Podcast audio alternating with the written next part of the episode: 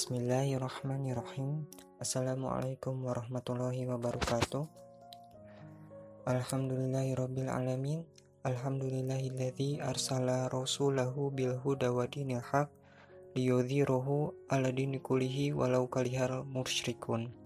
Asyhadu an la ilaha illallah wa asyhadu anna Muhammadan abduhu wa rasuluhu Allahumma sholli wa sallim ala sayyidina Muhammadin wa ala alihi wa ashabihi wa man tabi'ahum biisani ila yaumiddin amma ba'du Teman-teman sekalian di mana pun Anda berada Ini tayangan podcast perdana saya dalam kelas pemikiran Islam Di mana uh, saya akan berbagi dasar-dasar dalam membangun pemikiran Islam Maka pada pembahasan kali ini Saya akan memulainya dengan satu pertanyaan Apa itu Islam?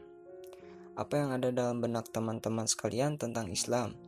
Apakah sebuah agama, apakah sebuah budaya, ataukah sebuah ideologi?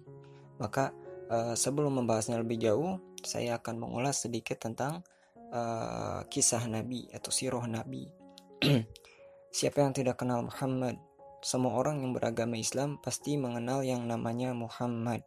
Muhammad Shallallahu Alaihi Wasallam ini berasal dari kalangan suku Quraisy uh, di mana ayahnya bernama Abdullah ibnu Abdul Muthalib dan ibunya bernama Aminah binti Wahab. Jadi uh, kalau kita lihat gambar diagram nasab Rasul, maka garis nasab ayah dan ibunya itu bertemu pada Kilab ibnu Murrah. Jadi kalau kita tarik ke atas, uh, silsilah beliau itu sampai pada Nabi Ismail alaihissalam dan Nabi Ibrahim alaihissalam. Maka jelas uh, bahwa dari awal dari awal dilahirkan itu Rasul itu sudah mulia ya. Ini baru kita lihat dari uh, segi nasab ya. Bahkan ada hadis riwayat Muslim bahwa uh, Rasulullah Shallallahu Alaihi Wasallam bersabda, Allah telah memilih Kinanah dari keturunan Ismail dan memilih Quraisy dari keturunan Kinanah dan memilih Bani Hashim dari keturunan Quraisy dan memilih aku dari keturunan Bani Hashim.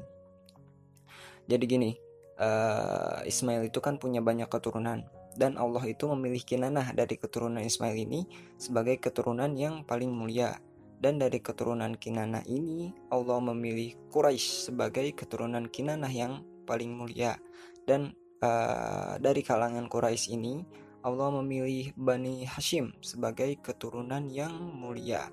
Dan di antara Bani Hashim ini uh, yang dipilih menjadi keturunan yang mulia itu adalah Rasulullah Shallallahu Alaihi Wasallam. Maka kita bisa lihat bahwa uh, setinggi-tinggi nasab itu uh, ada pada Rasulullah Shallallahu Alaihi Wasallam. Jadi uh, sebelum Muhammad diutus menjadi nabi pun beliau uh, adalah orang terpandang karena nasabnya ya, terpandang oleh kalangan masyarakat Arab ketika itu. Karena memang hikmah dari nasab yang mulia ini yaitu apabila beliau uh, serukannya apa pun yang beliau serukan akan didengar oleh masyarakat atau masyarakat pun bisa mempercayai berbagai urusan kepadanya ya.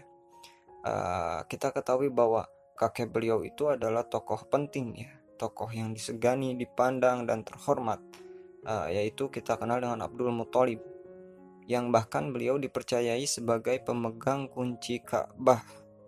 Selain dari nasabnya, Secara kepribadiannya pun Rasul itu dikenal oleh masyarakat sebagai orang yang baik akhlaknya, selalu jujur, dan tidak pernah maksiatnya. Nah ini hal ini yang membuat masyarakat Mekah ketika itu mempercayai beliau ya dalam berbagai hal uh, seperti menitipkan uang, harta, dan juga uh, Rasul itu sering dipercayai untuk menyelesaikan uh, masalah ya atau silang pendapat para petinggi-petinggi Quraisy ketika itu. Seperti ada kisah ya, uh, kisah ketika petinggi-petinggi setiap suku Quraisy itu berselisih pendapat tentang peletakan batu Hajar Aswad. Mereka itu berselisih ya. Masing-masing suku itu merasa berhak untuk meletakkan uh, batu Hajar Aswad ini pada tempatnya. Nah, perselisihan ini semakin memanas ya ketika hingga mencapai pada titik di mana mereka siap untuk berperang karena masalah perselisihan yang tadi itu. Namun suasana kondisi yang emosi yang panas ini itu mendadak berubah, mendadak dingin kembali ketika mereka mempercayai Muhammad untuk menyelesaikan perselisihan antar suku ini. uh, ketika mereka melihat Muhammad mereka berkata e, ini al-amin gitu kami semua senang dengannya gitu. Mereka menceritakan persoalan ini kepada Muhammad gitu ya. Menceritakan masalah-masalah yang tadi itu yang sedang mereka perselisihkan ya. Dan langsung Muhammad itu berkata ya beri aku sorban katanya. Sorban tuh yang dimaksud sini tuh uh, kain lah istilahnya gitu. Mereka pun memberikan uh, sorban atau kain itu kepada Muhammad. Nah ketika uh, kemudian ya Muhammad pun mengambil batu hajar batu hajar aswad itu kemudian meletakkannya di atas uh, kain yang diberikan tadi ya di atas sorban itu ya. Muhammad tuh naro batunya di atas sorban itu lalu berkata uh, sekarang masing-masing suku memegang ujung sorban lalu kita angkat bersama-sama ya.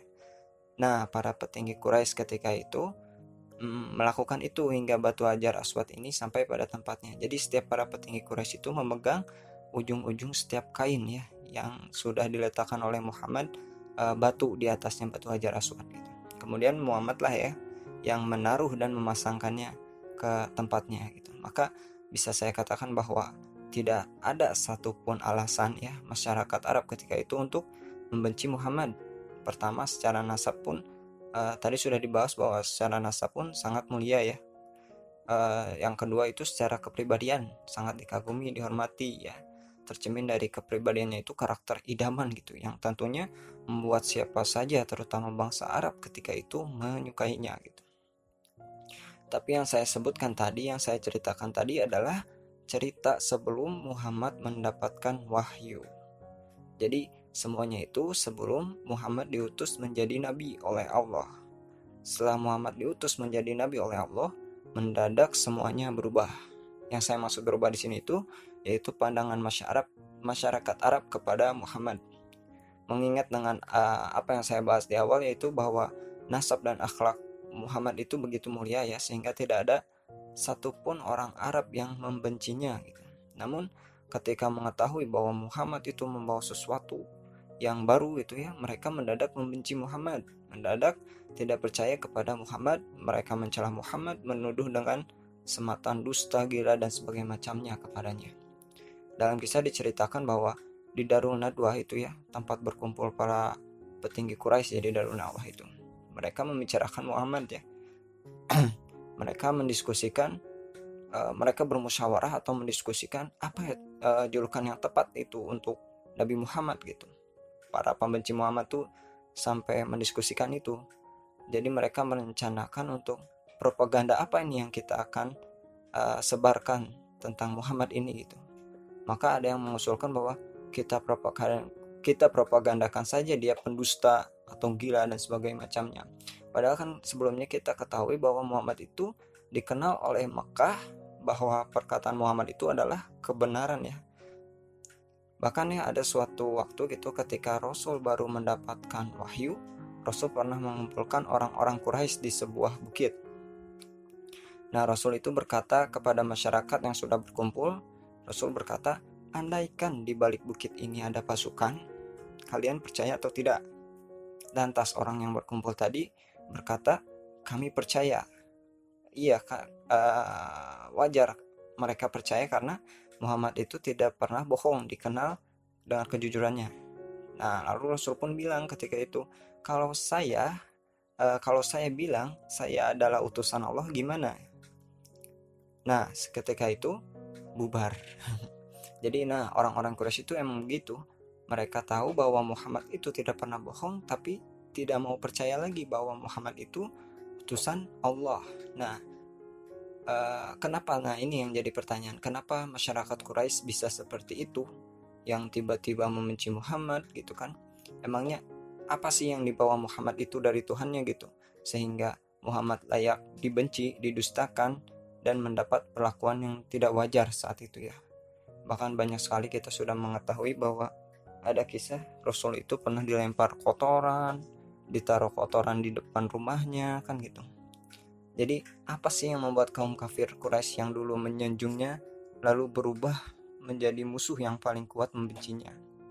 Jadi gini ya, coba kita uh, berlogika dengan pengandaian ya. Andaikan ya misalnya ya, Misalnya Rasul ini uh, datang kepada kaum Arab untuk mengajarkan uh, bahasa Arab saja. Nah, bagaimana nih respon Quraisy gitu kan? Akankah masyarakat Quraisy ini terganggu itu dengan ajaran yang dibawa Rasul ini? Jika Rasul hanya membawa uh, atau mengajarkan bahasa Arab saja gitu akankah Rasulullah mendapatkan perlakuan yang tidak mengenakan? Apakah Rasulullah akan dibenci? Bagaimana? Uh, maka bisa saya katakan tidak akan. Uh, masyarakat Quraisy tidak akan terganggu jika uh, Muhammad ini hanya membawa atau mengajarkan bahasa Arab saja ya malah mungkin bisa mendapatkan support dari seluruh masyarakat Quraisy bahkan petinggi-petinggi Quraisy pun bakal mensupport bila Muhammad hanya membawa bahasa Arab saja. Lalu misalnya ya, andaikan Rasul ini datang hanya mengajarkan uh, cara berpakaian misalnya atau cara berpenampilan, akankah kafir Quraisy ini marah kepada Muhammad? Tentu tidak. Saya bisa mengatakan tidak. Jika hanya uh, jika Rasul hanya membawa ajaran tentang pakaian. Nah, yang terakhir ini, uh, andaikan Rasul hanya mengajarkan akhlak seperti jujur pada uh, berdagang, berbakti pada orang tua, menepati janji, membantu yang kesulitan, akankah kafir Quraisy ini terganggu? Tidak. Jika hanya akhlak yang beliau bawa ya. Artinya apa? Bahwa yang Rasulullah Muhammad dari Tuhannya ini bukan hanya itu saja gitu, bukan hanya bahasa Arab, akhlak atau uh, penampilan dan sebagainya macamnya gitu. Maka dari itu saya akan menyampaikan bahwa Islam itu datang membawa perubahan. Nah, ini yang harus kita garis bawahi bahwa Islam itu datang membawa perubahan karena Islam adalah seperangkat pemikiran yang bersumber dari keyakinan yang khas, yang khos. Keyakinan mendasar ini yang uh, keyakinan mendasar ini adalah bahwa Allah adalah satu-satunya pencipta manusia dan kepadanya manusia akan dikembalikan. Hingga wajar jika selama di dunia hanya kepada Allah semata manusia menyembah. Islam datang uh, dengan pemikiran yang sama sekali berbeda dalam menyelesaikan problematika yang dihadapi oleh masyarakat. Berbeda dengan solusi yang ditawarkan di masa Quraisy, Persia, ataupun Romawi gitu ya. Karena pemikiran Islam itu bersumber dari akidah yang cemerlang. Contoh seperti ini ya. Ketika laki-laki mati, Quraisy bagaimana menyelesaikannya gitu ya? Apakah Quraisy mempunyai solusi? Nah, ketika itu solusi yang di yang di ya? Solusi yang ditawarkan oleh Quraisy adalah ketika laki-laki mati, maka perempuan jadi warisan. Jadi misalkan gini ya. Uh, saya mempunyai istri, misalkan saya hidup di zaman jahiliyah. Nah, ketika saya meninggal, solusi dari aturan Quraisy itu adalah mewariskan istri saya kepada anak saya. Nah, itu yang uh, solusi yang ditawarkan oleh Quraisy. Jadi gitu. Ketika lahir anak laki-laki misalnya kemudian dibanggakan karena bisa diajak ikut serta dalam berperang setelah dewasanya gitu. Kemudian jika yang lahir adalah anak wanita, kemudian mereka merasa malu, merasa tidak suka, bahkan bisa dibunuh seenaknya. Nah, itu solusi mereka karena setiap masa itu selalu memiliki masalah-masalah. Nah, mereka kaum kafir menyelesaikan masalah tersebut dengan solusi yang tidak benar. Nah, Islam membawa solusi kehidupan yang sahih atau benar. Pemikiran Islam seperti inilah yang membuat penguasa Quraisy ini tidak bisa terima gitu. Sebab jika pemikiran Islam ini tersebar, maka akan mengakibatkan apa manusia tercerahkan, menyebabkan manusia menjadi sadar dan terselamatkan. Dan siapa pun yang sudah masuk Islam dan mempelajari ajaran yang dibawa Muhammad ini, mereka akan menyadari kezoliman-kezoliman yang selama ini terjadi hingga akhirnya mereka enggan untuk mengambil uh, kezoliman tersebut gitu. Karena jika uh, ajaran yang ajaran ini yang diterima maka akan menjadikan Quraisy tidak lagi bisa mengendalikan masyarakat gitu. Karena uh, solusi Quraisy ini akan kalah dengan apa yang dibawa oleh Muhammad yaitu Islam. Ya, masyarakat akan mengetahui yang mana uh, yang benar dan mana yang salah gitu kan. Maka inilah yang ditakuti oleh penguasa Quraisy ketika itu ya. Sebab jika ajaran Muhammad ini diambil oleh masyarakat, maka Quraisy akan ditinggalkan dan tidak akan bisa lagi menjalankan kepentingannya, uh, pemerintahannya atau mengendalikan masyarakatnya gitu kan inilah yang ditakuti oleh kafir Quraisy inilah teman-teman sekalian bahwa uh, nafsu serakah ke kekuasaan inilah yang membuat Quraisy rela melakukan apa pun demi mempertahankan kekuasaannya gitu. Selanjutnya saat masyarakat Quraisy menjadikan ada Tuhannya, Rob adalah Allah, lalu mengambil sesembahannya ilah yaitu selain Allah, maka Islam datang dengan pemikiran tentang tauhid. Mengkritik perilaku penyembahan berhala, lalu mereka mengarahkan kembali untuk menyembah Allah semata gitu. Jadi, jika kita berbicara tentang teologis ya, bahwa masyarakat Quraisy itu mempunyai pemahaman seperti ini. Iya, kami yakin adanya Rob, kami tahu Tuhan itu ada, Allah namanya kami tahu itu ya. Tapi yang diakui oleh orang Quraisy itu Allah itu adalah Rob. Rob itu artinya kan yang mengatur, yang kemudian memberikan aturan, yang menciptakan dunia, yang kemudian memberikan rizki, tapi tidak menjadikan sebagai ilah. Ilah itu apa? Ilah itu sesembahan gitu. Jadi mereka mengetahui Tuhannya Allah, tapi untuk sesembahan ada lagi yang lain gitu, seperti uh, Lata, Uzza dan sebagainya. Kemudian datanglah Islam dengan kalimat tauhid yaitu la ilaha illallah, bukan la roba illallah. Maka masyarakat Quraisy ini tahu bahwa tidak ada Tuhan selain Allah gitu. Mereka tahu gitu. Tapi Islam itu datang dengan kalimat bahwa bukan tidak ada Tuhan selain Allah, tapi tidak ada sesembahan selain Allah gitu. Nah, yang saya sebutkan tadi yaitu dalam bidang teologis ya. Adapun Islam memecahkan masalah dalam bidang sosial misalnya. Misalnya saat wanita dalam kepercayaan Arab ya ketika itu direndahkan, dianggap sebagai pelengkap laki-laki, maka Islam datang dengan pemikiran bahwa laki-laki dan wanita ini diciptakan setara ya, tentu sesuai porsinya saling bahu-membahu dalam ketaatan, memiliki kesempatan yang sama dalam agama dan dalam masyarakat. Saat perdagangan ya didominasi kecurangan, misalnya riba, sumpah palsu, maka Islam datang dengan konsep pemikiran bahwa yang terpenting dalam perdagangan itu bukan hasilnya, tapi keberkahannya gitu. Tentu dengan konsep uh, apa rizki di tangan Allah gitu. Singkatnya ya, bahwa Rasulullah ini datang dengan pemikiran yang dahsyat gitu pemikiran yang mampu menggoyang dan mengguncangkan kejumudan yang ada gitu mampu mendobrak kebiasaan buruk dan mampu mengubah sistem yang bobrok menjadi sistem yang sahih dan benar gitu maka sangat wajar ya jika seorang pengemban dakwah ini dibenci karena apa yang disampaikannya adalah kebenaran gitu.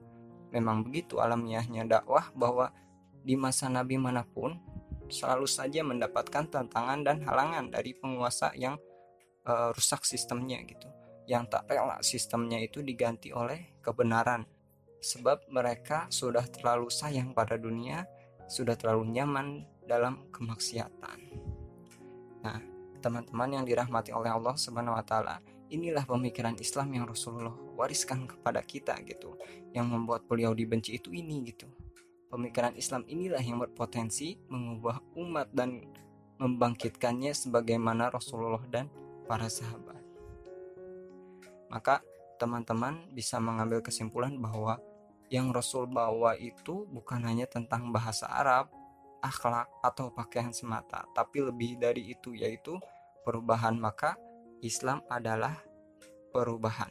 Teman-teman sekalian, uh, saya cukupkan podcast perdana saya kali ini.